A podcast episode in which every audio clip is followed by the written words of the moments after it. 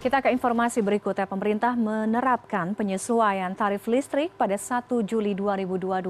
Kenaikan tarif listrik berlaku kepada golongan pemerintah berdaya 6.600 volt ampere dan golongan masyarakat mampu dengan listrik rumah tangga berdaya 3.500 volt ampere ke atas.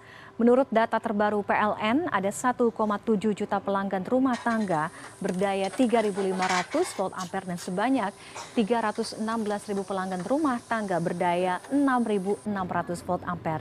Tarif listrik mereka akan dinaikkan dari Rp1.444,7 per kWh menjadi Rp1.699,53 per kWh.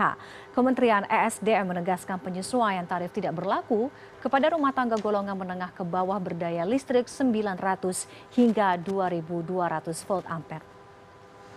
Paling berpengaruh adalah ICB atau Indonesian Crude Price yang teman-teman ketahui ini sedikit banyak juga dipengaruhi oleh kondisi global termasuk di dalamnya misalkan krisis yang terjadi di Ukraina sana dan kita juga perlu mengantisipasi